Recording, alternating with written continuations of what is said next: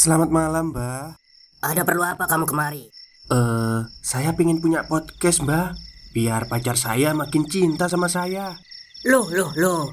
Mau bikin podcast kok tanya dukun? Sekarang kamu download aplikasi Anchor.fm. Di situ kamu bisa buat podcast gratis dan podcast kamu bisa didistribusikan ke platform mana pun. Dan di aplikasi atau website Anchor.fm juga terdapat fitur-fitur yang memudahkan kamu untuk membuat podcast. Oh, gitu ya, Mbak. Kalau gitu, saya boleh minta password wifi-nya, Mbak. Buat apa? Buat download Anchor.fm, Mbak.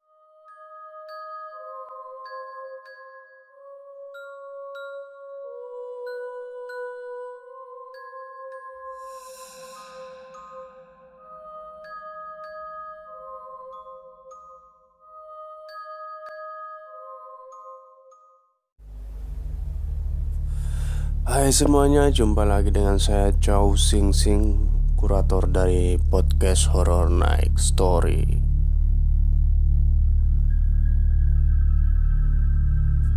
Pada episode kali ini saya akan menceritakan sebuah pengalaman mistis yang saya alami pada masa kuliah dulu ya. Tepatnya pengalaman ini dialami di kontrakan. Jadi kami uh, maksudnya teman-teman saya dan saya itu orang lima ngontrak di sebuah perumahan ya dekat kampus gitu. Dan memang kalau orang yang bisa melihat, maksudnya orang yang punya indigo atau indera keenam itu melihat kontrakan kami itu suram gitu. Suram itu dalam artian kayaknya itu uh, ya hayawannya itu banyak negatifnya di rumah kontrakan itu. Tapi karena kami berlima ini nggak punya hal-hal seperti itu ya nggak nggak jadi masalah gitu.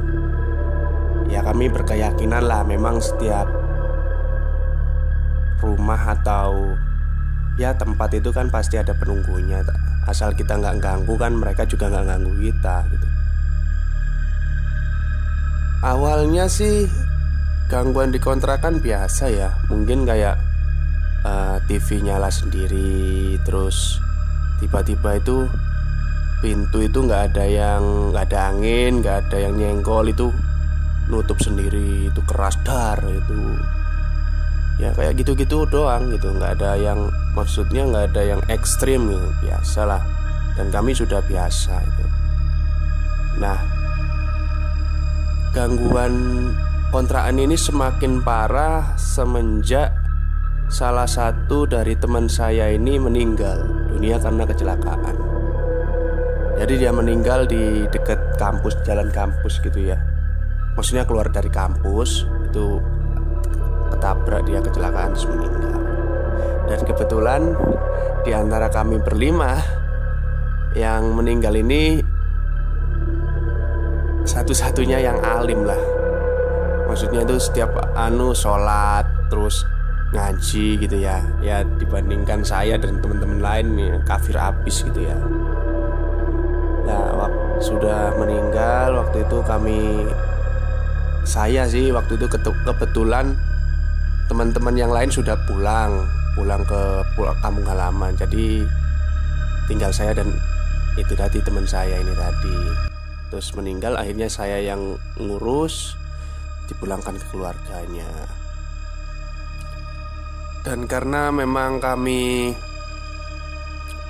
berangkat dari kecamatan dan asal sekolah SMA yang sama.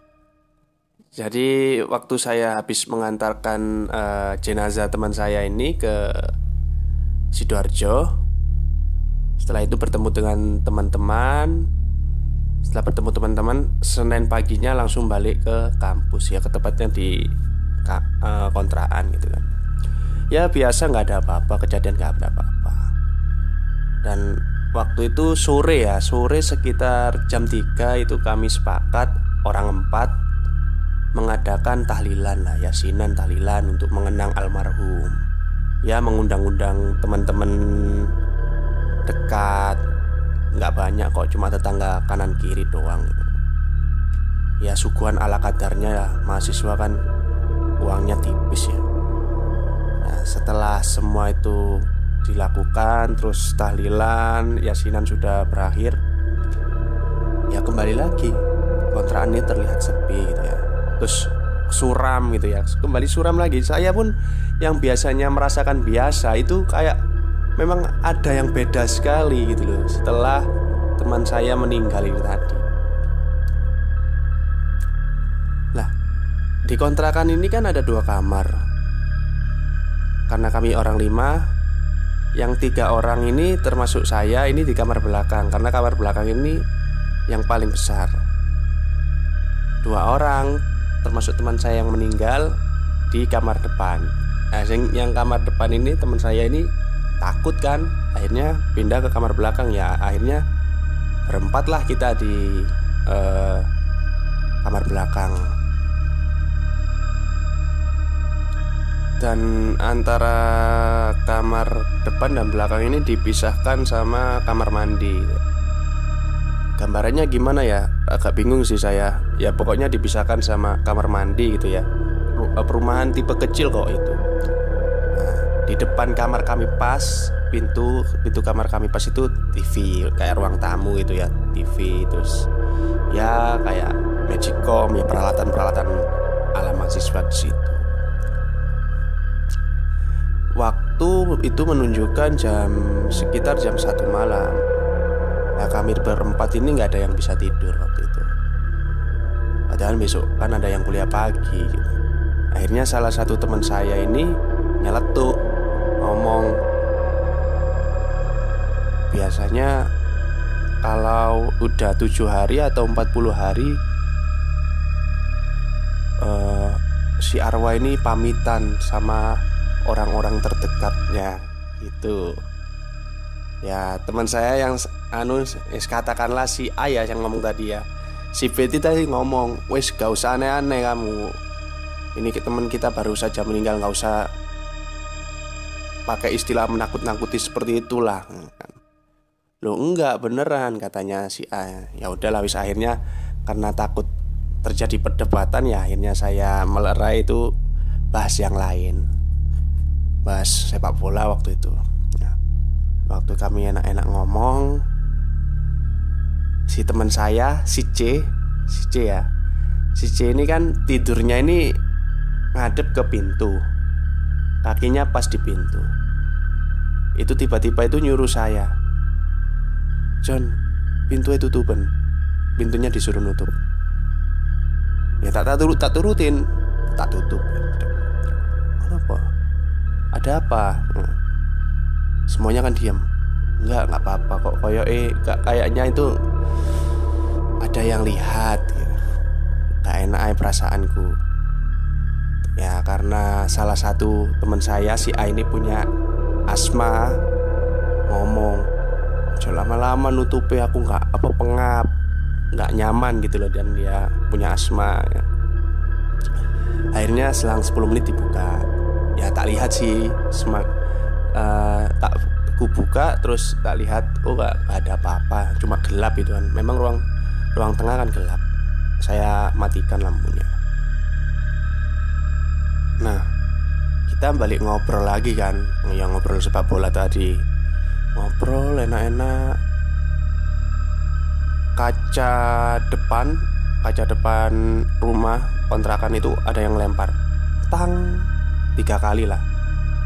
Pertama kami nggak menghiraukan Tapi kami tetap diam sih waktu itu. Satu tang.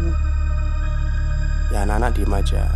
Terus kedua Baru ketiga Kita keluar semua. Ya mikirnya ada yang iseng gitu ya. Di, di, Dilihat di luar nggak ada siapa-siapa. Dan waktu itu memang kebetulan gerimis. Orang iseng mana sih yang Waktu gerimis-gerimis Ngelemparin rumah orang gitu kan ya. Gak ada siapa-siapa.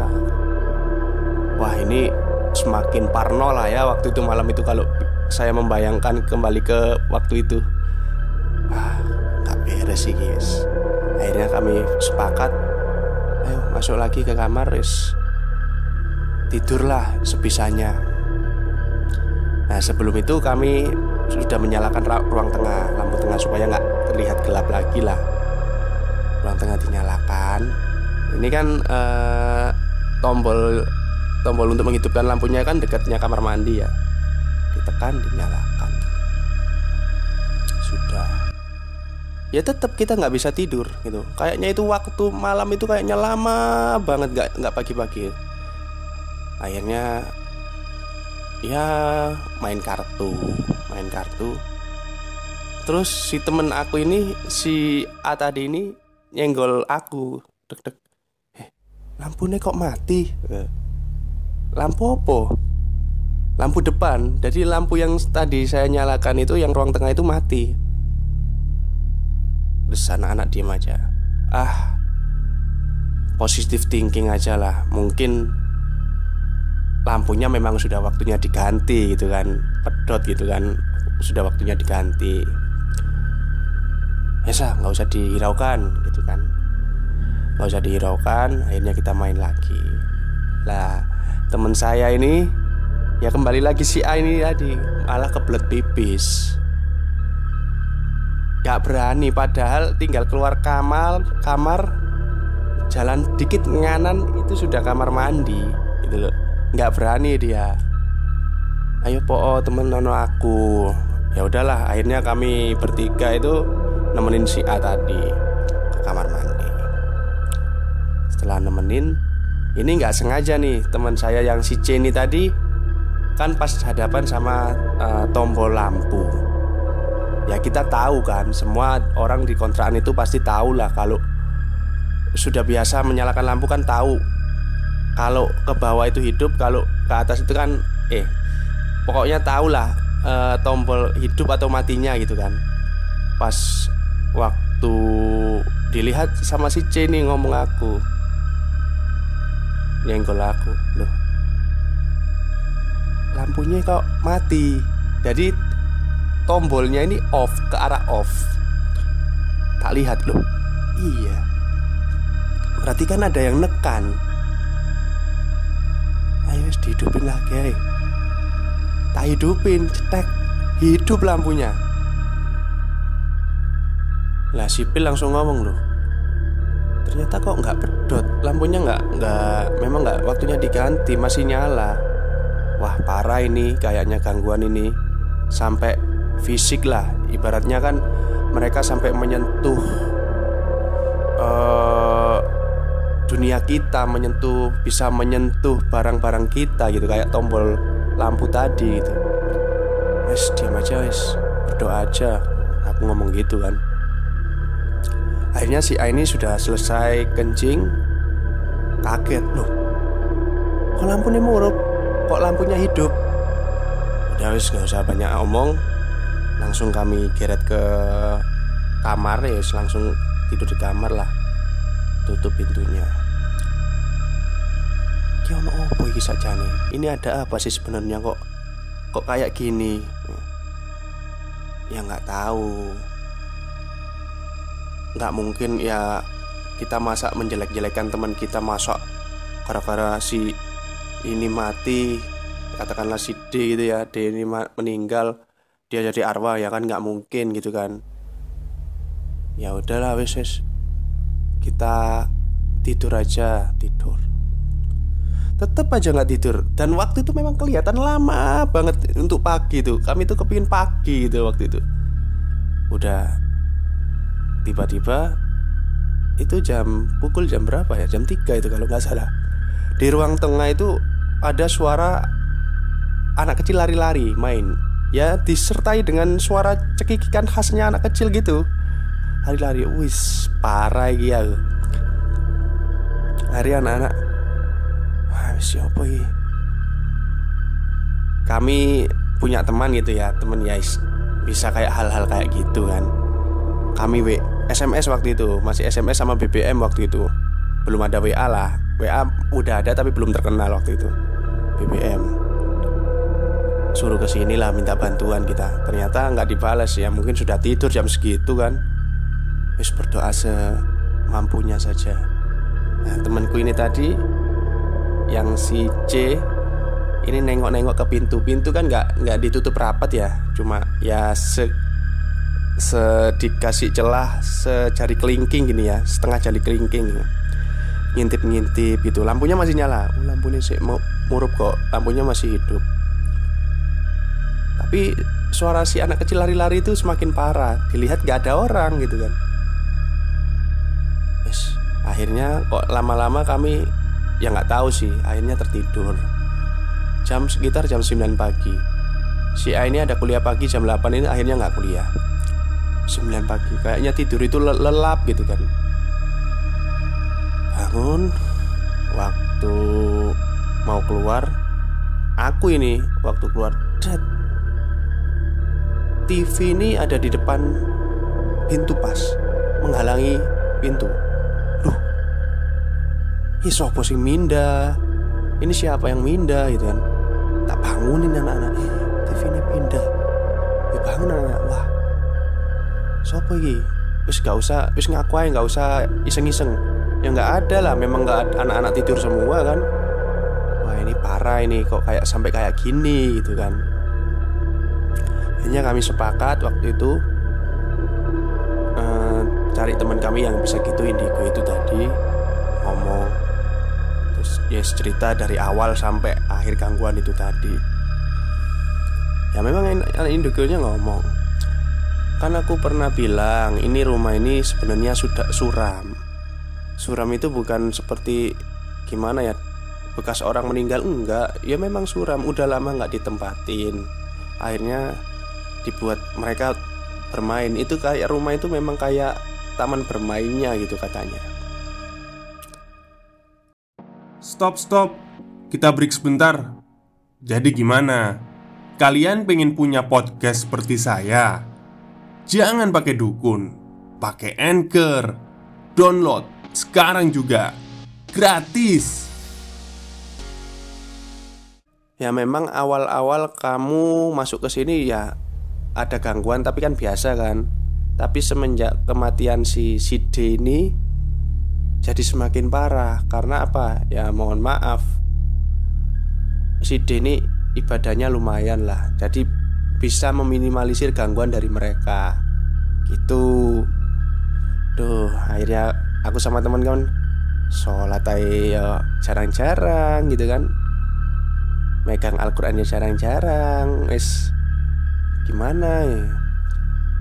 Wes gimana solusinya? Jom. Ya udah wis biasa aja.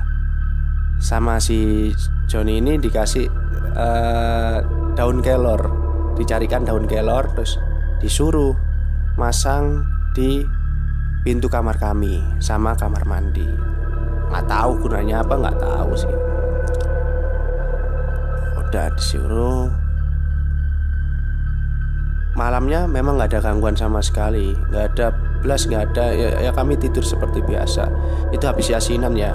Kan sampai tujuh hari waktu itu kita yasinan itu di situ Eh, setelah itu nggak ada apa-apa nggak ada apa-apa. Hari ketiga gangguan datang lagi. Ini sepeda motor kan sepeda motor teman-teman saya kan termasuk saya ini kan diparkir ke dalam ruang tamu ya ya kum- eh, kumpul sama TV gitu kan. Nah ini salah satu sepeda motor ini nyala sendiri waktu malam. Tepat pukul jam lupa ya saya. Ya jam 2 mungkin. Itu nyala sendiri. Wis ya ad- kayak ada yang ngegas gitu. Habis di starter ngegas. Terus teman saya kunci ini loh nengkene kuncinya loh di sini dipegang sama teman saya kan di kamar. Waduh. Sep- sepeda laki kan? Waduh ini. Wis udah blayer blayer udara apa itu campur asapnya gitu kan. Wis akhirnya kami memberanikan diri keluar. Set masih nyala. Akhirnya teman saya memberanikan diri nancepin kuncinya dimatikan. Mati. Wais ya udah lah ya ya sampai seperti itu. Dan akhirnya nggak ada lagi gangguan ya. Ya gangguan-gangguan kecil mungkin ya cuma kayak tiba-tiba toples jatuh gitu kan. Dan kami berempat itu selama dikontrakan nggak ada sepakat harus bareng. Maksudnya gini kalau misal ada yang kuliahnya sampai sore atau anu gitu kan nggak nggak ada yang sendirian dikontrakan gitu. Ya mungkin ngopi atau ke ke, ke kosan teman lain gitu kan. Nggak ada yang berani dikontrakan sendirian waktu itu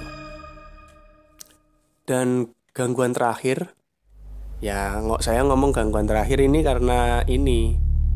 Memang waktu kontrak kita habis tinggal satu bulan sih gangguan terakhir itu saya sendiri yang ngalamin waktu itu sore hari. Hari Kemis waktu itu Kamis. Teman-teman kuliah dan sepakat nanti pulang sore aja lah habis kita selesai semua. Oh ya berarti kan jam setengah limaan baru pulang ya balik ke Sidoarjo. Saya sendirian di kontrakan dan kebetulan saya di kamar depan main laptop ya lihat film Korea waktu itu. Di kamar mandi itu seperti ada orang mandi.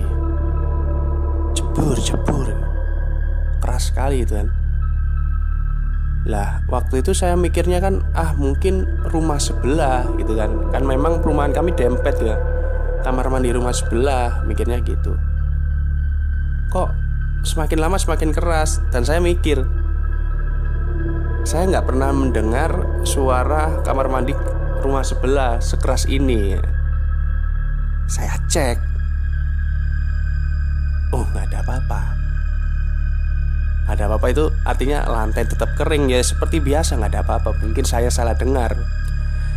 Saya masuk ke kamar lagi nonton film lagi.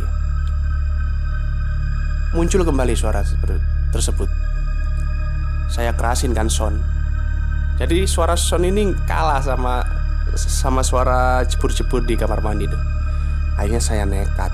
Siapa sih? Kayak saya itu memberanikan diri woi gitu kan. Saya memberanikan diri. Saya tahu pasti ada gangguan gaib kan waktu itu. Waktu saya buka jet Uh, kamar mandi itu basah, lantai itu basah kayak bekas memang bekas orang mandi.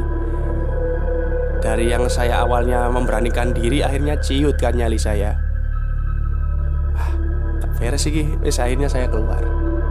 Dan alhamdulillah untungnya di depan kos kami itu kan pas itu kan ada pos kampling. Jadi saya duduk-duduk di situ sampai temen saya datang.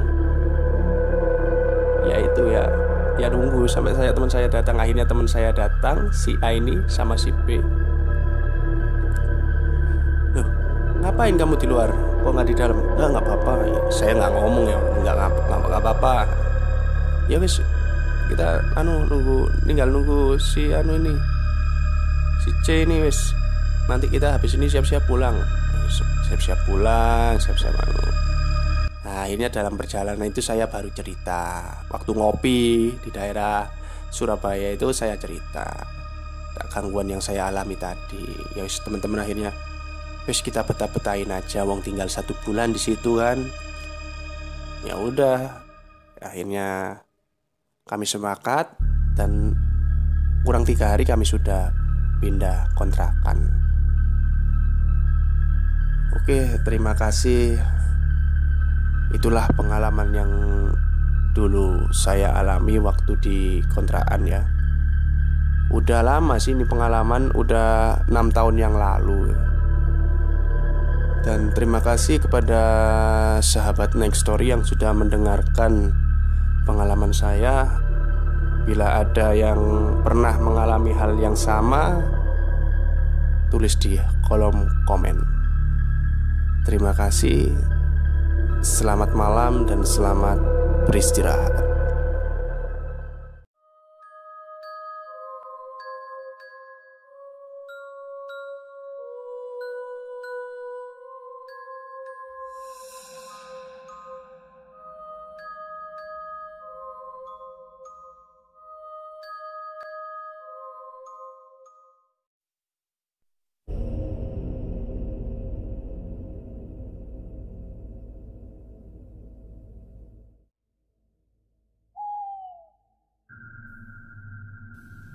Assalamualaikum warahmatullahi wabarakatuh. Halo semuanya. Jumpa lagi dengan saya Chow Sing Sing Kurator dari Podcast Horror Night Story. Halo apa kabarnya semua? Semoga kalian semua baik-baik saja ya. Dan seperti biasanya pada malam hari ini Saya kembali dan akan membawakan sebuah kisah mistis untuk kalian semua. Kisah mistis kali ini datang dari saya sendiri selaku pelaku ya atau korban. Sebenarnya sih nggak mau sekarang saya ceritain, cuman ya udahlah nggak apa-apa gitu. Pingin aja. Jadi dulu itu zaman-zaman kuliah itu semester berapa ya? Saya lupa itu 5 atau 6 gitu. Saya itu pernah punya masalah keuangan yang cukup sulit. Saya pernah diusir dari kos karena nunggak bayaran sampai 4 bulan. Bukan diusir ya sebenarnya, cuman disuruh pindah ke tempat lain aja. Jadi waktu itu saya bingung sekali. Tapi untungnya punya banyak teman ya. Ya alhamdulillah lah.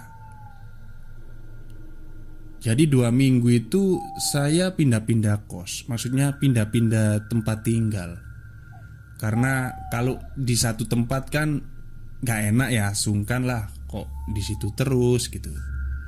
Dan saya juga waktu itu Tidak nelpon orang tua Tentang kejadian ini. Ya pokoknya sungkan lah Sama orang tua juga di sana ya juga ngurus adik gitu kan. Nah Hmm, suatu ketika waktu itu saya ngopi, saya ngopi dan ketemu teman saya waktu ospek. Ya akhirnya kita ngobrol lah, ngobrol.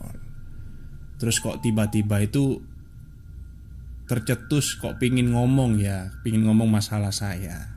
Ngomong lah masalah saya itu di posisi ini saya itu cari kos-kosan tapi yang murah Soalnya saya habis diusir gini-gini Pokoknya saya cerita semua Terus si teman saya ospek ini ngomong Ada kos-kosan murah Tapi jauh dari kampus Loh berapa?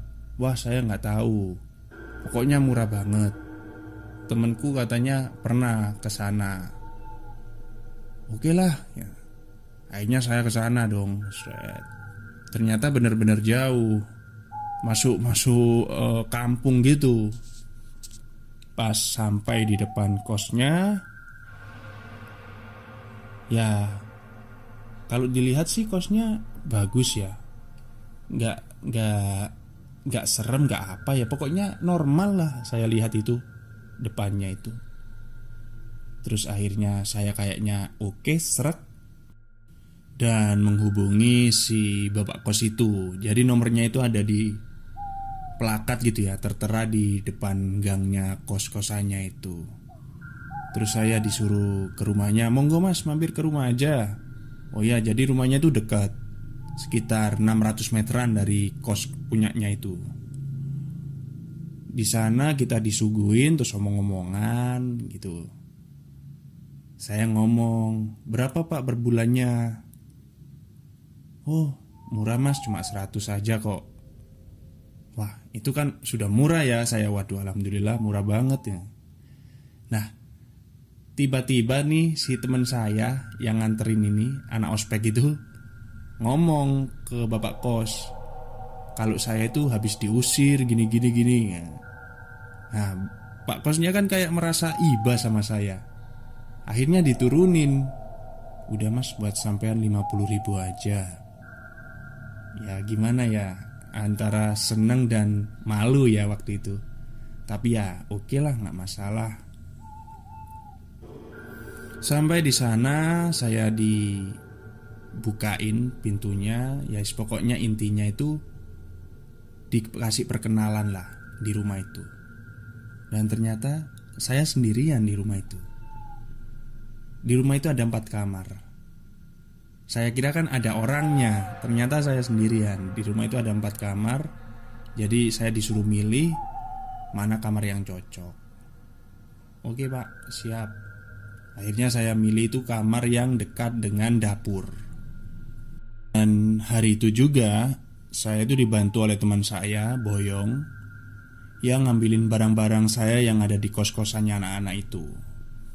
Saya Boyong, terus bapaknya itu ngomong, Mas kalau butuh apa-apa, telepon saya aja. Oh ya pak, nggak apa-apa siap.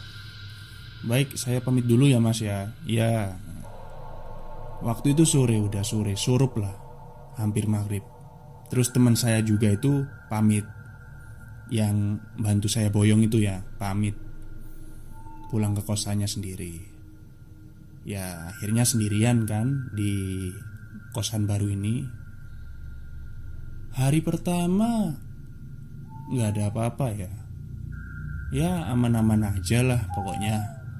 Dan saya juga waktu itu alhamdulillah sekali dapat kos baru murah Dan tempatnya bersih gitu loh. Gak kumuh gak apa pokoknya murah. Nah hari kedua ini muncul keanehan Waktu itu sekitar pukul 10 kalau nggak salah. Saya masih fokus ngerjain tugas. Tiba-tiba itu saya dengar ada suara orang ngomong Orang ngobrol lah. Di luar kamar saya pas pokoknya. Entah itu di ruang tamu atau di mana ya Pokoknya di dalam kamar itu saya dengar ada orang ngomong Tapi arahnya itu dari luar. Nah ini saya langsung merinding Waduh siapa nih? Wong aku di rumah ini sendirian kan? Gak ada siapa-siapa. Lampu juga sudah nyala semua gitu kan. Akhirnya saya keluar dari kamar. Saya lihat ruang tamu gak ada siapa-siapa. Terus dapur juga gak ada siapa-siapa pokoknya. Udah. Saya masuk. Saya ngerjain lagi tugas saya Eh gak berapa lama Itu Muncul suara itu lagi. Pokoknya suaranya tuh kayak orang omong-omongan lah Geremeng gitu. Wah udah gak beres nih. Daripada gak konsen kan saya tutup tuh laptop. Akhirnya saya tidur. Keesokan paginya saya pergi ke kampus Terus kebetulan juga ketemu sama si Tono. Nah si Tono ini yang bantu saya Boyong itu ya. Teman ospek saya. Dia tanya Gimana tempat barunya? Enak? Wah lumayan lah Ton. Wong kapan lagi dapat barang murah? Kayak gitu kan saya ngomong. Hmm tapi hati-hati loh. Barang murah itu biasanya bermasalah.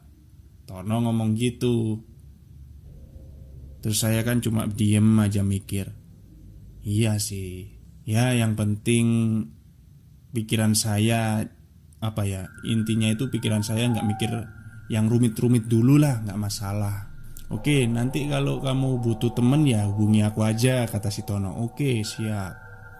Singkat cerita ya, di hari ketiga ini yang agak ekstrim. Waktu itu saya mandi. Saya ingat betul itu mandi. Saya kan keramas ya, keramas. Otomatis kan merem mata itu. Waktu saya mau pegang gayung buat nyiram rambut itu, ini beneran itu kayak megang tangannya orang. Kaget saya Astagfirullahaladzim Pokoknya kaget lah waktu itu Saya langsung melek itu Meskipun perih-perih gimana gitu ya Saya melek Ya ternyata ya kiep-kiep gini kan mata saya Gayung bukan tangan Tapi kok terasa kayak tangan waktu itu Dari situ saya langsung mempercepat mandi saya Dan buru-buru masuk ke kamar Nah di kamar itu saya langsung pegang HP Hubungi si Tono Ton kamu di mana sekarang? Aku lagi ngerjain tugas nih sama anak-anak kerja kelompok. Oh, ya udah. Nanti habis ngerjain tugas bisa nginep tempatku nggak? Gitu saya ngomong gitu. Waduh, nggak tahu ya. Mungkin bisa sih, tapi aku nggak janji. Ya udah, oke. Okay. Itu saya tunggu Tono itu sekitar sampai jam 11 malam Nggak datang Dan saya kira memang oke nggak datang dia nggak mungkin datang udah jam segitu apalagi tempat kos saya ini kan masuk kampung gitu loh. Jauh banget dari keramaian. Sekitar jam satu malam kalau nggak salah waktu itu. Saya sempat ketiduran sebentar nunggu Tono itu. Terus jam satu malam saya bangun. Ada suara ketukan pintu.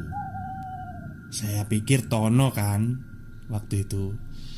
Saya keluar dari kamar, seret. Dok, dok, dok, dok, dok. Waktu itu kan masih nggak sadar ya pokoknya pikiran waktu itu nggak sadar. Bangun tidur kok.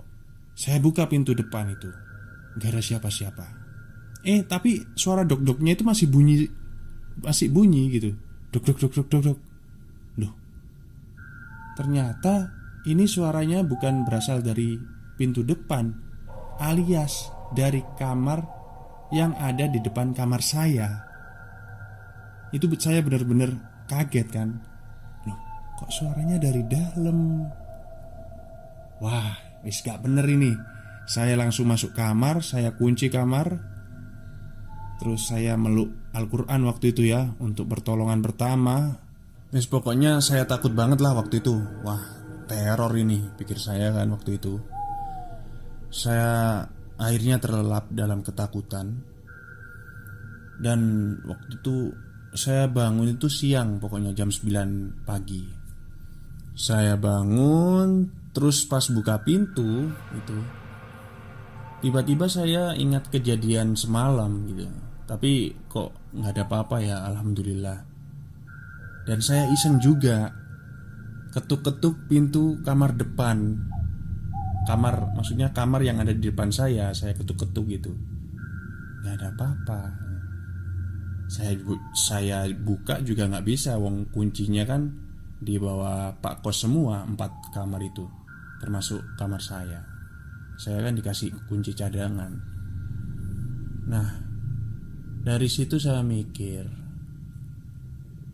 ini kalau kayak gini terus bisa gila ini tapi tempatnya murah. Gimana ya waktu itu? Pokoknya dilema sekali gitu loh. Kalau cari tempat yang anu, maksudnya itu tempat yang aman, harganya juga agak mahal, sedangkan keuangan agak menipis ini. Sampai saya bantu waktu itu jaga warkop. Jadi saya itu parteman jaga warkop gitu di sekitar kampus. Waktu itu saya kalau nggak salah sudah semingguan lebih pokoknya di kosan itu. Jadi sebenarnya itu gangguan itu banyak banget. Tapi ya yang saya ceritain tadi adalah salah satunya lah ya. Pokoknya sebenarnya gangguan banget. Banyak banget lah pokoknya. Mulai dari keran hidup sendiri, terus ada suara uh, orang ngomong, ya pokoknya banyak banget. Suatu ketika Kalau nggak salah itu jam 4 sore Saya pulang dari kampus. Itu di depan teras saya itu Ada seorang pemuda. Kayaknya sih mahasiswa ya. Dia itu lagi rokokan gitu di depan teras saya. Saya pikir ini siapa lagi nih? Saya pulang terus saya sapa, cari siapa mas? Oh enggak mas, saya cuma Anu lagi duduk-duduk aja mampir. Oh ya Terus dia ngomong sampean yang ngekos ini ya? Iya mas, sendirian. Iya. Wah kok berani sampean? Dia ngomong gitu. Ya Dilakuin aja lah mas. Pokoknya dijalanin aja Saya kan juga sempat mikir Dia ber, dia ngomong gitu berarti kan Tahu Apa yang terjadi di sini. Emang ada apa mas di kosan ini, di rumah ini? Terus dia cerita. Di salah satu kamar itu Di kamar ini Pokoknya di rumah ini Itu dulu ada bekas orang yang mati bunuh diri. Waduh, makin gak enak kan saya dengar cerita dari masnya ini. Ya udah, gimana lagi? Wong keadaannya seperti ini kan pikir saya waktu itu. Bunuh diri, Mas. Bunuh dirinya karena apa, Mas? Saya coba pingin tahu lah ya. Waduh, ceritanya rumit, Mas. Akhirnya dari situ kita ngobrol lama ya Sampai hampir maghrib lah waktu itu. Terus dia pamit pulang. Mas saya pamit pulang dulu ya. Oh iya mas hati-hati silakan. Nah bodohnya saya. Saya nggak tahu namanya waktu itu. Jadi kita ngobrol lama tapi Saya nggak tahu namanya ternyata. Nah Singkat cerita Malam itu tidak terjadi apa-apa. Pokoknya selang-seling lah ya kadang-kadang itu kejadiannya. Dan malam itu tidak terjadi apa-apa. Nah, paginya. Pagi itu sekitar jam 7. Entah kenapa kok saya pengen bangun waktu itu Padahal bangun saya biasanya ya jam 9, jam 8 lah Saya bangun Saya kaget Ternyata ada Pak Kos di dalam di ruang tamu itu. Dia itu bawa kayak kalau saya lihat sih kayak sesajen ya. Jadi ada tumpeng, ada kopi gitu kan. Masuk ke rumah. Dan Pak Kos juga kaget ngelihat saya. Loh. Mas sudah bangun? Oh, iya, Pak. Oh. Anu nggak kuliah? Aduh kuliah saya nanti pak jam sebelasan Oh ya udah Karena sudah terpergok saya ya bawa barang-barang kayak gitu Akhirnya ya cerita lah Pokoknya intinya waktu itu pagi itu Saya ngobrol sama Pak Kos Lupa ini buat apa pak? Oh ini buat anak saya mas Hmm maksudnya buat anak bapak gimana sih? Ya buat ini kan wetonnya anak saya hari ini. Ya buat sugu Saya saya sih orang Jawa ya Tapi kurang paham dengan hal-hal kayak gitu. Oh gitu ya pak. Hmm. Terus Saya itu nggak sengaja Di Di apa itu namanya? Di sesajennya itu ada foto kecil gitu. Saya lihat saya tamat-tamatin. Kok kayaknya pernah lihat orang ini pikir saya kan waktu itu. Pak ini anaknya jenengan saya bilang gitu. Iya mas. Oh. Pak gini pak ya. Mohon maaf. Akhirnya saya ngomong kan Bahwa Saya itu pernah ketemu sama anaknya bapak. Nah si Pak Pos ini langsung kaget Ah yang benar mas sampean mas. Anak saya sudah meninggal gitu. Loh beneran pak saya nggak bohong. Bahkan kemarin itu kami itu ngobrol lama. Dia itu bapak anaknya bapak itu cerita Kalau di rumah ini pernah ada kejadian bunuh diri kan? Nah Waktu saya ngomong itu langsung Pak Kos itu langsung kaget. Sampean kok tahu? Ya saya tahunya dari ini pak anaknya bapak. Nah dari situ si bapak itu kayak matanya itu kayak apa ya Sembab gitu ya. Agak kayak mau nangis gitu. Terus saya ngomong Sebenarnya ada apa sih pak di sini? Terus gimana ceritanya? Gitu Akhirnya si bapak ngomong cerita Gini loh mas. Kejadian masalah kejadian bunuh diri itu Bruk. Eh bapaknya pingsan. Gak sempet cerita akhirnya kan? Saya bingung juga waktu itu. Waduh kok Pingsan dulu Gak cerita dulu. Mau minta tolong juga Takutnya orang kampung mikir aneh-aneh kan? Soalnya ada sesajen di situ. Saya ya jaga nama baik si bapaknya inilah. Akhirnya saya masuk ke kamar Nyari minyak kayu putih Gak ketemu. Ketemunya malah parfum. Ya udah saya pakai parfum aja waktu itu. Ternyata juga fungsi ya Bangun si bapak. Dan setelah bangun Terus saya kasih minum air putih Tenang ya Akhirnya si bapak ini cerita Tentang Apa yang terjadi di rumah itu Terus juga anaknya lah. Tapi ini tidak akan saya ceritakan dalam podcast ya Karena ini sifatnya rahasia. Saya cuma bercerita ya itu tadi Awal-awalnya aja. Dan setelah kejadian itu Sekitar tiga hari ya Saya pindah Pindah kos. Jadi saya tuh ditarik sama teman saya katanya Kalau mau ayo patungan sama saya. Ini kosnya murah. Kalau patungan cuma 100 ribu per orang. Oke eh 150 ribu kalau nggak salah waktu itu per orang. Oke lah saya mau daripada di sini kan ya. Dan hari itu juga saya pamit ke Pak Kos Pak Kosnya juga berterima kasih karena sudah apa ya intinya uh, ditempatilah rumah itu karena sudah lama kosong juga gitu. Jadi yang saya ceritakan dari awal itu cuma gangguan yang ada di rumah itu. Tapi masalah bunuh diri, siapa yang bunuh diri dan kenapa anaknya Pak Kos itu ada dan menemui saya itu tidak akan saya ceritakan.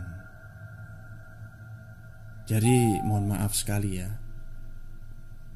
Mungkin itu saja cerita yang bisa saya sampaikan pada malam hari ini.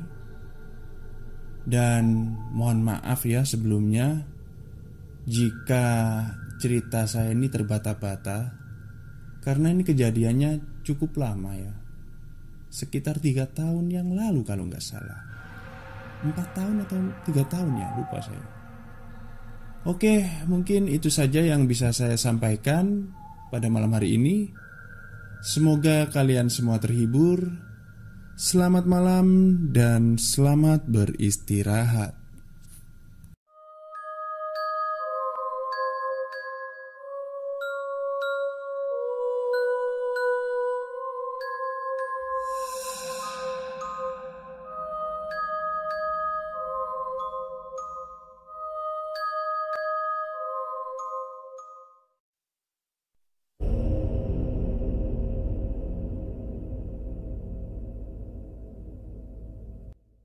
Assalamualaikum warahmatullahi wabarakatuh. Halo semuanya. Jumpa lagi dengan saya Chow Sing Sing Kurator dari Podcast Horror Night Story. Baik seperti biasanya pada malam hari ini Saya kembali Dan akan menceritakan sebuah kisah mistis untuk kalian semua. Dan kisah mistis kali ini bukan datang dari orang lain ya melainkan datang dari diri saya sendiri selaku korban. Jadi, ini mungkin kejadian mistis yang tidak pernah, tidak akan pernah saya lupakan seumur hidup. Kejadian mistis yang saya alami waktu menginap di kontrakan teman saya yang ada di Surabaya. Oke, singkat cerita, Waktu itu pokoknya ini kejadiannya satu setengah tahun yang lalu. Waktu itu saya masih kuliah Ya semester akhir semester 14 Nah ini kan saya kalau setiap hari Kamis itu pulang ke rumah. Hmm. Terus tiba-tiba ini ada teman saya Namanya Adi. Dia itu ngubungin saya. Katanya mau pulang bareng. Ya ayo tapi hari Jumat Karena hari Jumat pagi itu dia ada Urusan uh, di kampus. Cuma ini sekedar belum ditahuan aja Kampus kami itu berbeda. Tapi satu SMA dulu Beda kampus saja Makanya kontraannya juga beda. Nah sebenarnya sih saya nggak mau ya Maksudnya itu males aja gitu. Soalnya pingin cepet-cepet pulang. Tapi kok Adinya ini maksa kayak Ya gimana ya Akhirnya ya saya nemenin lah. Nemenin Terus saya perjalanan menuju kontraannya Sekitar jam 5 baru sampai.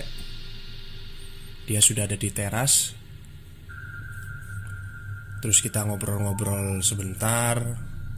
Ternyata dia ini uh, Teman-temannya pada pulang semua Makanya dia sendirian di kontrakan Minta ditemenin. Oke. Dia sih nggak ngomong apa-apa tentang kontraannya nggak ada ngomong apa-apa Masalah apa itu. Terus uh, Sekitar Kita ngobrol ya Sampai ya ya maghriban lah. Maghriban itu Dia nyalain lampu teras Terus yang di dalam ini ruang tengah ini nggak dinyalain Kontrakannya itu kecil ya Cuma ada dua kamar terus kamar mandi itu. Terus dapur di belakang. Terus aku tanya kan Ini kenapa kok apa lampu tengahnya kok nggak dinyalain? Gelap. Konslet katanya gitu.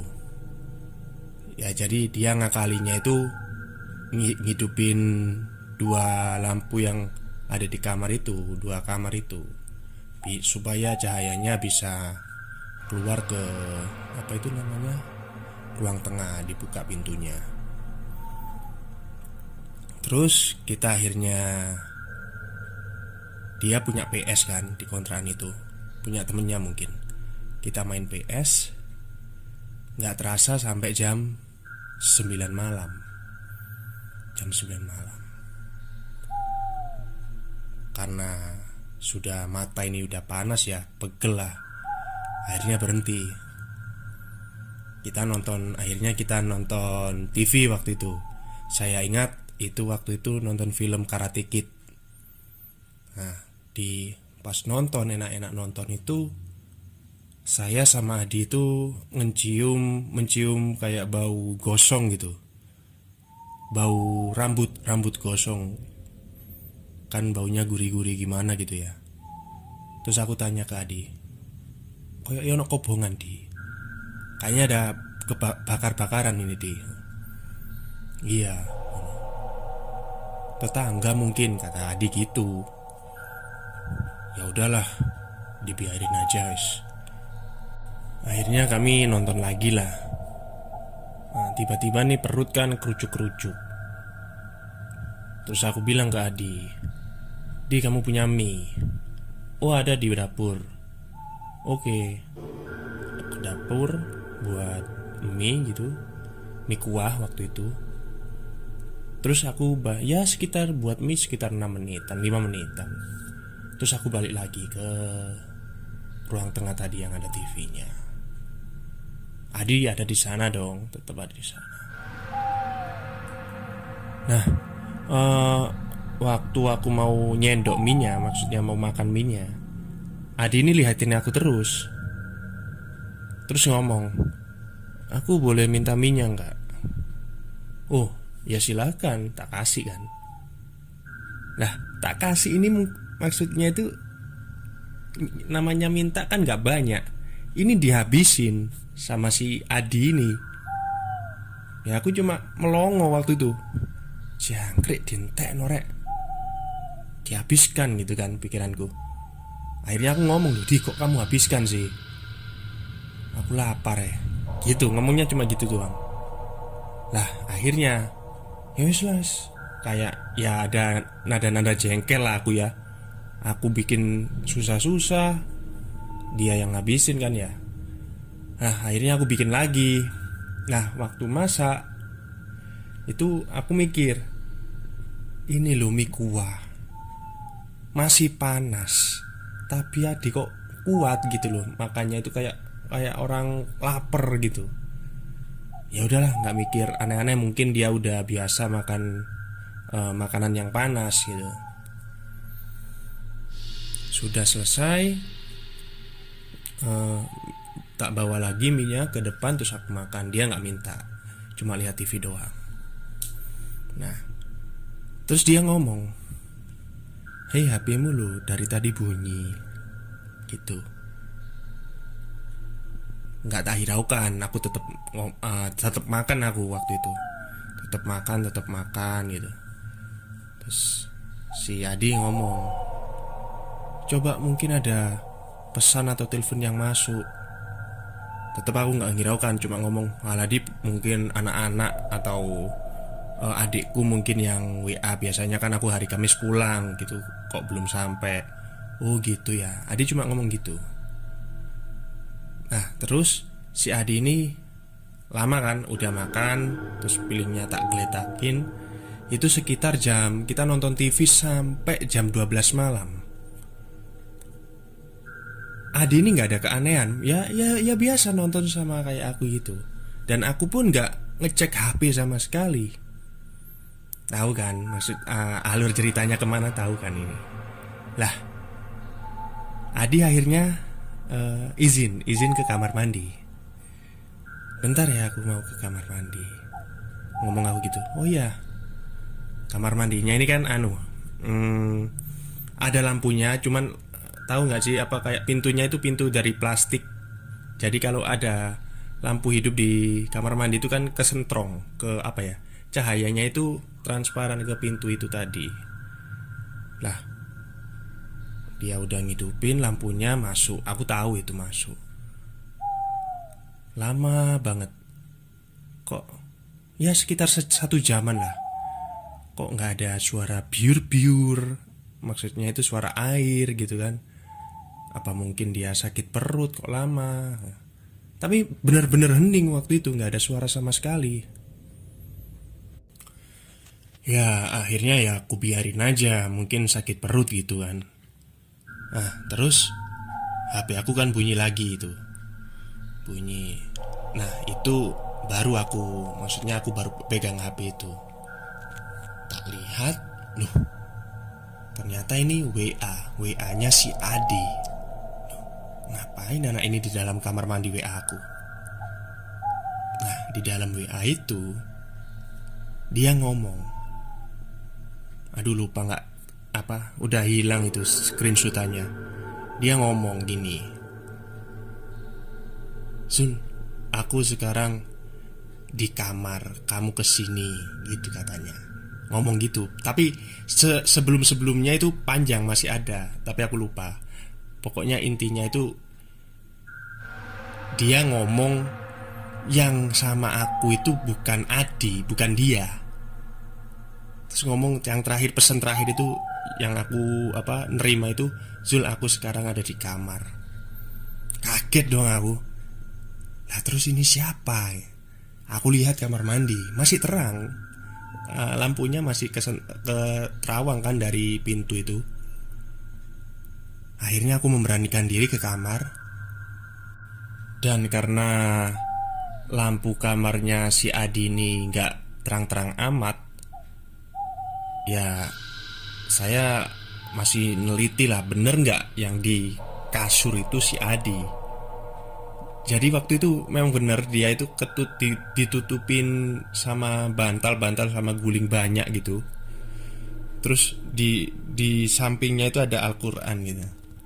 Loh, di Terus dia buka buka apa itu namanya gulingnya. Zul Zul, sini Zul, sini Zul. Gitu kan. Aku langsung loncat dong, ya yakin kalau ini memang Adi gitu kan. Loncat ke kasur. Terus si Adi goblok itu pintunya tutup dulu.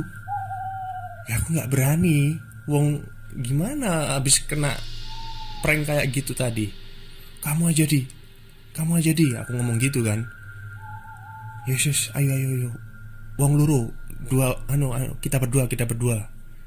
Berdiri terus nutup pintunya jegret. Nah ini kita nunggu sampai subuh ini di dalam kamar. Nggak bisa tidur tapi. Nah selama kita di dalam kamar itu ruangan ya di luar ruangan itu penuh dengan suara. Kayak apa gelas jatuh wis krompiang krompiang krompiang gitulah. Mas parah pagi akhirnya kita nggak tidur itu subuh jam 6 pokoknya jam setengah setengah tujuh mandi aku ikut tadi ke kampus itu tadi. Itu langsung kita pulang, yes, nggak nggak balik lagi ke kontrakan. Nah, eh, di dalam perjalanan pulang, eh perjalanan eh, kita kalian ke kampusnya Adi dulu. Saya kan ke kampusnya Adi dulu. Waktu saya eh, aku ke kampusnya Adi, terus dia ngomong. Sebenarnya waktu kamu bikin mie, mie yang pertama itu ya, itu Adi itu ngecium lagi bau kayak rambut terbakar. Eh, yes kayak bulu terbakar itu. Dia penasaran kan. Akhirnya dia berdiri terus ngecek-ngecek gitu sampai eh, ke teras rumah. Kok nggak ada nggak ada petunjuk gitu loh. Akhirnya dia balik lagi dong.